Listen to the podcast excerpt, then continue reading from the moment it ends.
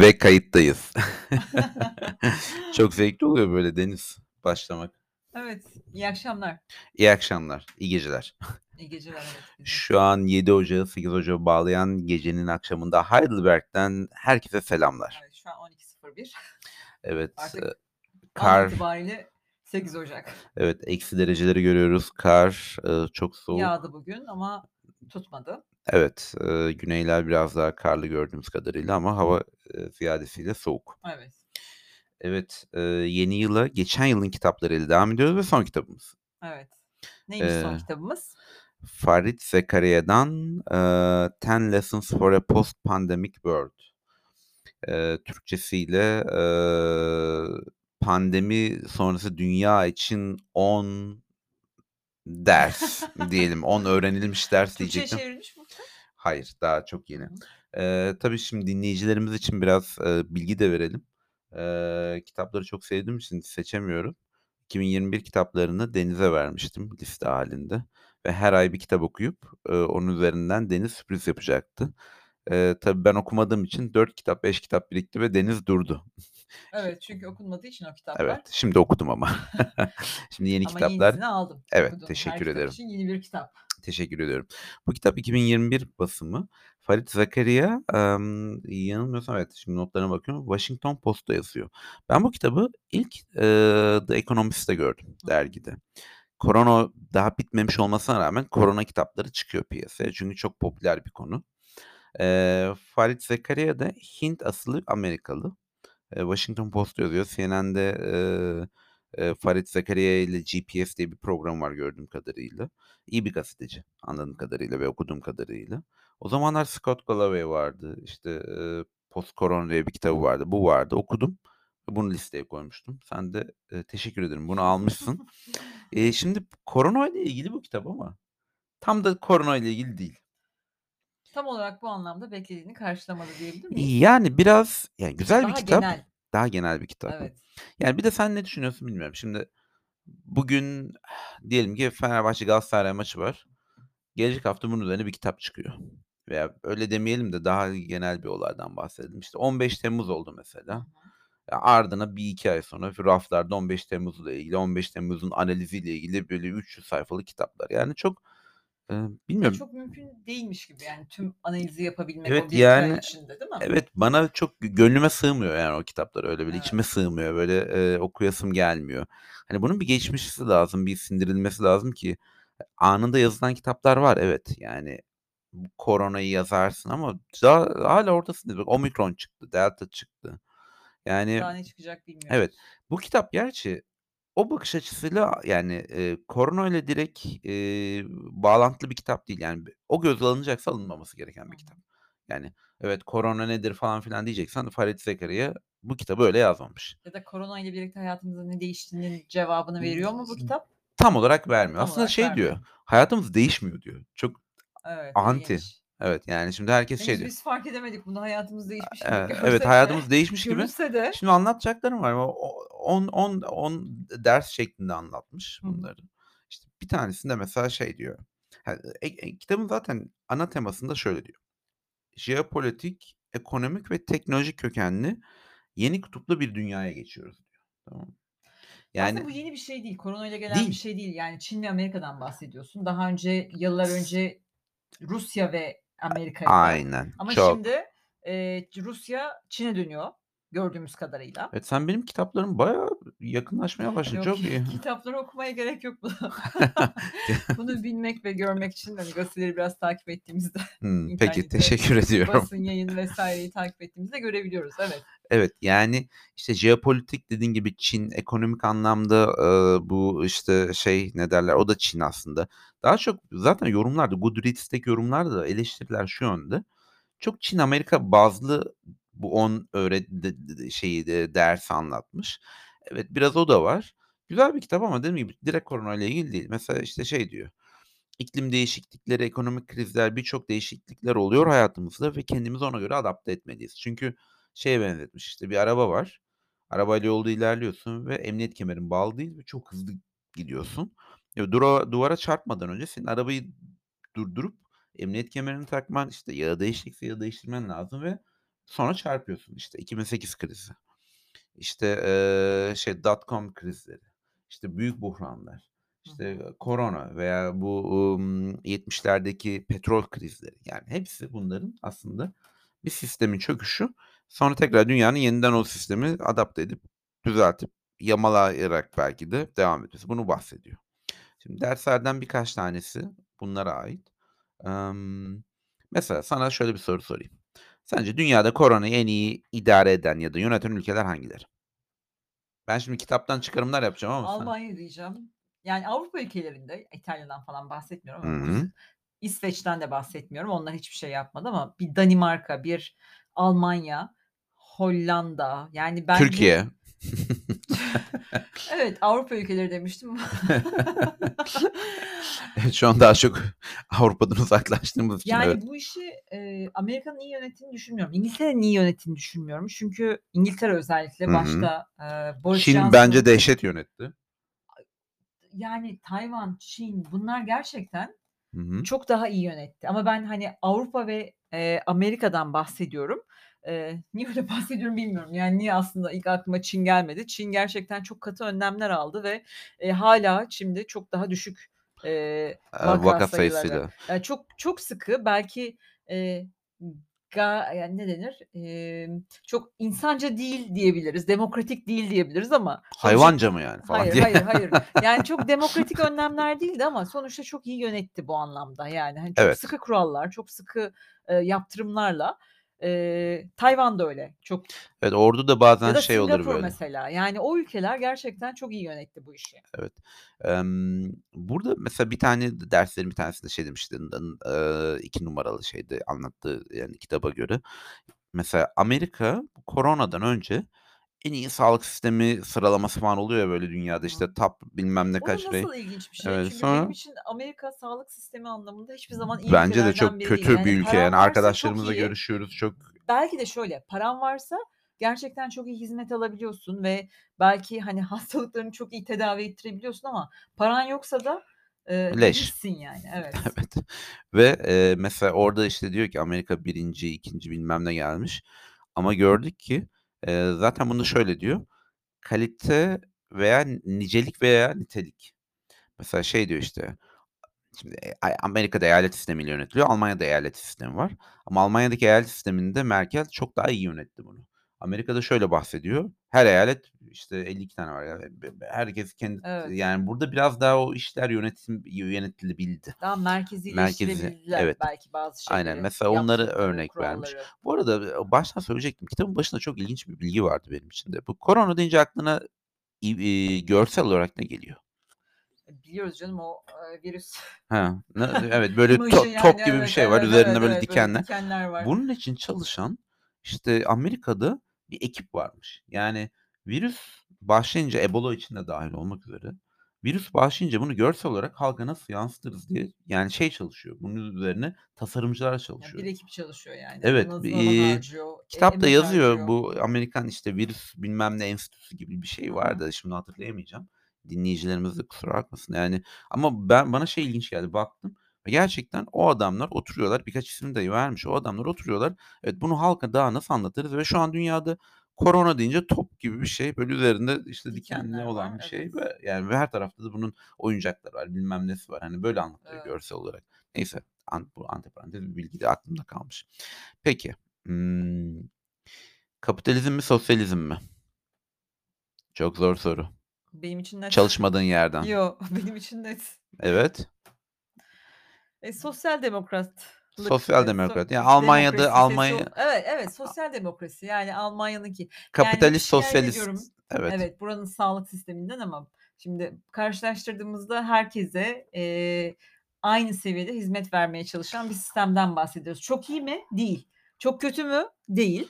Ama Ama Amerika'yla ula karşılaştırınca Evet. da dehşet iyi. Yani Evet. onu bahsetmiş, şey demiş mesela, Danimarka ya sağlık sistemi en azından tüm halka yaymış şekilde Evet. sosyal ama kapitalist bir ekonomi. Tabii ki işte rekabetçi koşullar hâkim, piyasa koşulları hâkim, eee, bağımsız merkez bankaları var vs. vs. ama, emm Ne demek istiyorsun?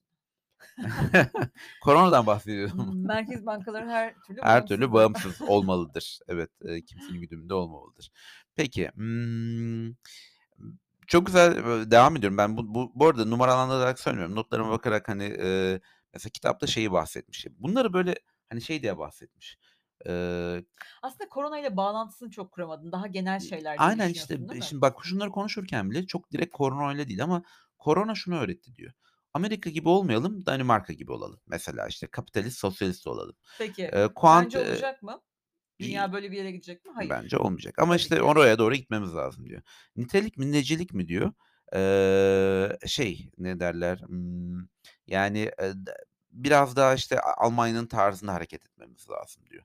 Ondan sonra Direkt mesela Almanya'yı vermiş mi örnek Evet, da Almanya vermişti. Danimarka, Evet, Almanya. Eee, aynen Almanya? Almanya. Hı hı. Emm, mesela uzmanlara şu an güvenemiyorum. Bir gün bir uzman çıkıyor, hatta da şeyden örnek vermiş. İşte bez maskeler önemli değildi, işte Evet kullanmayın. ama bunları şey çünkü, eee, onlar d Bilinmeyenle onlar da şey için. yapıyor, yani analiz ediyor, bakıyor. Hani, İşte bir sürece ama çok ihtiyaçları büyük bir var. çuvallama var burada. Yani şöyle çuvallama var. Ama ben İşte bunu çok şey algılamıyorum. Yani Almanya da bunu yaptı. Dedi ki "Maske kullanmaya gerek yok." dedi başında. Hatırlıyorsun Türkiye'de herkes maskeyle işte dolaşırken biz burada maskesiz dolaşıyorduk Tamam. sokaklarda. Kitapta şunu bahsediyor. Yani şu an bir çuvallama var. Bundan bir ders çıkarılması lazım. Bu ders de şu: Bundan sonraki böyle bir durumda uzmanlar çıkıp da hani bir İyice Türkiye emin olmadan, Aynen öyle, onu geliyor. aslın Aynen, aslını aynen. hani, tam Mesela birisi anlamadan çıktı şey demişti yani açıklama doktorun birisi yapmasınlar. açıklama yapmıştı. "Biz ırk olarak zaten oradan uzağız, bize bir Ya, şey o onlar olmaz." zaten çok Neyse, tamam, uçlardaki Eee, açıklamalar magazine girmeden alınmayan alınmayacak Mesela, ama eee, dijitalleşme demiş. Bu artarak devam edecek. Orada Bence çok onu hissettik ama biz, değil mi? Evet. Yani, ben kendi şirketimden bahsedeyim. Yani, sonuçta bu home office'e biraz daha Almanya ofisi itibariyle, karşı olan bir şirketti ve, eee, COVID'le birlikte Tabii canım, biz Almanlara şey altyapımızı geliştirdik. Yani, Evet, hani, tüm şirketler kendilerini bir Evet, şekilde geliştirmek zorunda geliştirmek zorunda kaldılar yani. kaldılar. İlk başta bu kadar, eee, VPN bağlantıları vs. altyapısı yoktu yani. Aynen, aynen. Burada mesela birkaç tane örnek vermiş, çok hoşuma gitti. Mesela düşünsene dünyaca ünlü Michelin star, senin rezervasyonu aylar önceden yaptırdığın yerler, şimdi şey Lieferando'ya Almanya'da veya işte Yemeksepeti gibi yerlere üye olup ya da eve teslim yapmıyor. Burada, eee, izleyiciler için oturduğumuz yerde bir tane, emm, pideci gibi bir yer var. İşte Almanya'nın Flammkuchen dedikleri, bizim pide ayarında yaptığımız ve yer bulmak gerçekten zor oluyor. Evet. Tam pide değil de işte yani ince benzeri. bir, eee, pizzanın Eee, ince bir iyi versiyonu Evet, versiyonu ve, eee, pandemiyle birlikte satışlar tabii kapandığı için Evet. Evlere, şey dağıttılar yani, eee, biz evlere de getiririz ve Evet. şu an bilmiyorum kapattılar belki o servisi ama yani pandemi insanı l Ya, ilk etapta böyle bir şeye giriştiler yani Aynen, sonuçta. aynen. Kendi Mesela business'larını kurtarmak için. Netflix şu an Hollywood'u destekliyor. İşte en son, eee, Don't Look Up diye bir film vardı, Evet. Leonardo DiCaprio'nun. Aynen öyle. Bunun tüm masrafını Netflix karşılıyor. Çünkü artık dünya o yöne doğru gidiyor. Dijitalleşme devam edecek demiş. Peki, eee, ucu açık sorularımla devam edeyim sana. Şehirleşme mi daha çok olacak yoksa kırsal alana yönlenme mi? Şimdi mesela koronayla birlikte herkes Dalaman'a kaçtı, Bodrum'a Evet, kaçtı. dağ evine, deniz kenarına, köy evine, neyse işte daha açık alanda, kırsalda, yani, eee, vaktini geçirebileceği alanlara, yani apartman dairelerinden daha böyle, eee, şey, açık alanlara Evet. kaçabilecekleri yerleri aradılar. Eee, Peki bu çünkü trend artık devam edecek artık mi? artık çünkü ne bileyim mer şehirlerde merkezlere gidemez oldular yani. Hah, ama Farit Zekeriya böyle söylemiyor. O Bilmiyorum onu mu yani. diyeceksin şimdi? Yok, şöyle diyor, yani şehirler her daim, eee, inovasyonu getiren yerlerdir, sosyalleşmeyi getiren yerlerdir. Bir bakıma haklılık Sonuçta payı var. sosyal bir varlık. Aynen. kaçınılmaz, Eee, zaten başlığında, şey. eee, "Human is a, social animal" diye hı. Bahsetmiş. Yani haklılık payı var ama, bi biraz ülkeye göre, konuma göre değişir. Mesela Almanya'da, eee, git yani kırsala da gitsen en yakın yerde bir kitapçını da buluyorsun, ye kasabını Yani da buluyorsun. korona öncesinde de zaten insanlar burada, eee, hani, illaki büyük şehirlerde yaşayacağız derdinde değillermiş gibi hissettiriyor A bana. Yani, aynen, hani, aynen. koronayla bağlantılı değil. Aynen. Çünkü, eee, her türlü imkân yakınlarına geldiği için köyde bile yaşasalar, eee, köyde yaşamayı tercih edebiliyorlar. Aynen ama bu Türkiye için geçerli mi? Şu an çok Yani, kestiremiyorum ya da değerlendiremiyorum. Anadolu'da bir sürü yerde yaşadığında kitapçı bile yok ya da bir Aynen. sürü sinema yok, bir sürü imkândan, tiyatro yok, bir sürü imkândan faydalanamıyorsun. Evet, evet. Yani, bu biraz Biraz bölgeye göre, bir durum. değişecek veya Çin mesela bilmiyorum nasıl, hiç gitmediğim için yorum da yapamayacağım. Emm, başka bir nokta, eşitsizlik devam edecek diyor. Kesinlikle doğru. Eee, yani, bu şu anlamda mesela biz 3'üncü aşıları alırken belki bilmiyorum Afrika'nın bir yerinde daha ilk aşılarını olmamış insanlar olabilir. Evet. Bu bir sosyal boyut, ülke boyutu bu.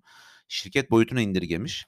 Amazon deli gibi kâr etti. Belki 5'e katladı kendini ama burada, işte, eee, biliyoruz ki, eee, ufak işletmeler kapattılar ve biz destek olmak için kitapçılardan mesela buradan direkt kitap satın aldık Amazon'dan ziyade. Oradan daha çok aldık yani kişisel olarak, hani, destekleme amacıyla ama bu tür şeyler, eşitsizlikler çok daha fazla artacak, diye bahsetmiş. Hani, koronanın bir etkisi ama bu Aslında korona öncesinde de başlamıştı. Koronayla ivmelendi diyebiliriz. Yani, hani. Amazon'un, eee, ya da böyle Türkiye'de Trendyol ya da bu tür eee, oluşumlar zaten, eee, hızlı bir şekilde ilerlerken koronayla, eve kapanmayla, eee, çok daha, eee, ivmelendi diyebiliriz. Evet, zaten var olan bir şey daha da daha Evet, da ş hızlandı. hızlandı. Mesela globalleşme, şirketler bahsetmiş. Tabii orada şey diye söylemiş. Şimdi Almanya'da mesela en basit maske üretimini yapamadı ülke. Gördük yani Evet. Çin'den her şeyi Evet. yığarsan Yani, tabii ki panik panik hâliyle hâliyle. Şimdi şey diyor Zekaria diyor, her ülke her şeyi yapacak durumda değil. Hani, hadi maskeyi yapmaya başladın, yarın bir gün farklı bir, ihtiyaç oldu, onu da mı yapa yani her şeyi yapamayacaksın ama, tedarik zincirleri değişecek. Mesela geçen gün haber vardı. Hugo Boss İzmir'de büyük bir fabrikası var. Doğu Asya'daki üretimlerini İzmir'e kaydırıyormuş. Yani Asya'da da yine üretim bırakıyor ama çoğunu İzmir'e kaydıracakmış. Şimdi b Fayrit Zekaria da şey diyor zaten, işte, Romanya, Balkan ülkelerine daha çok kayacak. Yani al şimdi tabii şöyle demiş, sen demiş şimdi bir, işte, Levi's kotu atıyorum mesela $100'a alabiliyorsun. Hadi gör bakayım demiş. Aynen böyle, demiş yani Türkçe mealiyle. Amerika'da ürettir bakalım da $100'a alabilecek misin bu kotu? Doğru. Belki Amerika'da $200'a evet, çıkacak bu evet. Almanya için de geçerli. İşte, eee, bugün, eee, bir mobilyacıya gittik. Almanya'da işçilik pahalı, üretim pahalı ama, Evet. emm, o oranda da malzeme fiyatları pahalı vs. vs. Globalleşme, eee, yıkılmayacak diyor. Eee, bu koronayla birlikte, hani, bir panik oldu, işte, değişecek ama zaten hep dediğim gibi kitabın özünde şu var. Hani, eee, çok büyük bir değişiklik olmayacak hayatımızda. Yani, işte, globalleşme devam edecek, farklı şekilde devam edecek. Hep Evet, aslında şimdi hep böyle, işte, şeyden bahsediyoruz, ürünlerden, üretilen şeylerden ama mesela alakasız olacak ama hı. Almanya'daki bu dönemdeki en büyük problem neydi? Sağlık personeli açığı. Yani Evet. gördük ki, Ve eee, onu da evet, zaten yani Türkiye'den ithal süre ederek tedarik ediyoruz. Evet, panik panik hâli geçtikten sonra evet, maskeyi tedarik etti. Evet, o solunum cihazlarını üretebildiğini gördü ama sonuçta sağlık personelini, eee, o kadar kısa sürede, eee, arttıramadığını gördü. Çünkü o bir süreç işi. Aynen ve şu anda Türkiye'den daha çok sağlıkçı geliyor gördüğümüz Evet, kadarıyla. yani bu da kritik bir durum aslında. Türkiye'den bir sürü doktorun Almanya'ya ya da Avrupa'daki başka ülkelere göç etmek isteğini ve göç ettiğini görüyoruz, okuyoruz. Eee, Acı. acı Türkiye için. Evet, maalesef, Evet. maalesef. Peki, Amerika, Çin dedin. Böyle devam edecek mi sence? Bence edecek. Çin daha da Evet. güçlenecek. Eee, ben şeyi hatırlıyorum, tabii ki Çin'in nüfusu çok fazla, eee, ama böyle commodity'lerde, Hı hı. eee, hani, ülkelerin üretimine baktığımızda, eee, mesela Çin'in bir sürü commodity'de, eee, en üst ilk 3'te olduğunu görüyoruz. Evet. Yani, evet, nüfusunun fazla olması çok etkili. Yani, Ana böyle, üretici yani. hatırladığım kadarıyla, eee, böyle, abuk subuk karpuz üretiminde falan bile, yani, tarım ürünlerinde bile çok önde olduğunu görüyoruz. Eee, ama tabii Evet, tüketimle sen alakalı bir sen şey. demiştin galiba Evet, karpuz pamukta üretiminde beni çok pamuk şaşırtmış mıştı. Bir sürü ürüne bakmıştık. Sadece commodity değil ama tarım ürünlerine de bakmıştık, Evet. eee, ve, eee, Çin'in hep çok önde olduğunu, ilk 3'te olduğunu, ilk 5'te olduğunu görmüştük. Ama tabii biraz nüfusla alakalı bir şey. Yani, o nüfusu beslemek için üretmek zorunda. Yani, emm, bu Trump'la başlayan Çin-Amerika ticaret savaşı, emm, şöyle bahsetmiş: "Bipolar dünya olacak illaki, Rusya vardı ama bu Her bipolarlık" düşmana ihtiyaç Evet, yani, evet, bipolarlık savaşa kadar gitmedi. En kötüsü Rusya'ydı. Yani, o soğuk savaş döneminde, işte, ajanlar majanlar vs. işte, Küba krizleri vs. ama şu an, eee, Çin'le olan daha farklı bir durum ve bilmiyorum, hani, eee, şeye dem vurmuştu, 1. Dünya Savaşı, 2. Dünya Savaşı, işte, oradan, işte, Almanya gerekli sömürgeciliği yapamadığı için saldırdı vs. vs. Yani ama, bu devam edecek diye belirtmiş. Son bir kısım var. Sen de, eee, kitapta gördük. Beni çok, eee, şey şaşırttı. Türkiye ile ilgili olan kısım. Türkiye ile ilgili şöyle bir yorumda bulunmuş. İşte, bipolarlıktan sonra da, eee, Türkiye gibi ülkeler sesini daha çok çıkartıyor. Bundan daha öncelerde şöyle bir yorum yapmış. 2 sayfa, 3 sayfa Türkiye'ye ayırmış bir kere, Türkiye-Amerika ilişkilerini ve örnek olarak da bunu vermiş. 1'incisi Türkiye şu an diktatörlükle yönetiliyor demiş. 2'ncisi de, emm, Haşa. yani, eee, seyircilere bırakalım yorumu. Eee, eee, 2'ncisi de mesela şey demiş, Amerika tezkere istedi. Bu Türkiye'ye çok karşı çıktı. Şu an Türkiye, Amerika eskiden istediğini yaptırırken Türkiye şu an yaptıramıyor gibi, bir noktaya getirmiş ve, bunu da, bayağı bir bahsetmiş. O kısım bana ilginç geldi ve Türkiye'yi de çok iyi izleyen bir yazar bu arada. Yaklaşık 2-3 sayfa ayırmış. Özellikle, bu konularla ilgili. Bunun dışında kitap, eee, hoşuma Tavsiye ediyor musun? Yani şöyle, şimdi Türkçesi yok bu kitabın. Özellikle böyle koronayla ilgili korona vs. arayacaksanız bu kitap öyle bir kitap değil. Yani direkt korona efektli, Hı hı. etkisiyle ilgili bir kitap değil. Genel olarak dünyayı anlamaya, Çin, Amerika'yı bağ esaslı bir, eee, dünyayı anlamaya yönelik bir kitap okumak isterseniz koronayla bağlantılı olarak da evet, doğru bir kitap, güzel bir kitap. Eee, dinleyicilerimize şunu tavsiye edebiliriz. Farit Zekeriya'nın, emm, eee, mailine üye olabilirsiniz. Her hafta, her gün, her gün galiba şu maillerime, çok bakmadım. GPS diye bir şey var. Eee, haber gönderiyor işte. Eee, o gün neler oldu. Twitter'dan takip edebilirsiniz çok güzel, eee, yayınları var. Eee, yani bundan sonraki alacağım korona kitabı biraz daha gerçekten koronadan sonra neler değişiyor yönelik olabilir veya hiç almayabilirim. Biraz daha bekleyebiliriz omikrondan sonra Evet. ne olacak diye. Eee, ama güzel bir kitap tabii ki. Yani özellikle Farit Zekeriya'yı anlama, dünyayı anlama anlamında güzel. O zaman Burada teşekkür bitiriyoruz. dinleyicilerimize ve bir sonraki kitapta görüşmek üzere diyoruz. Teşekkürler, görüşmek üzere.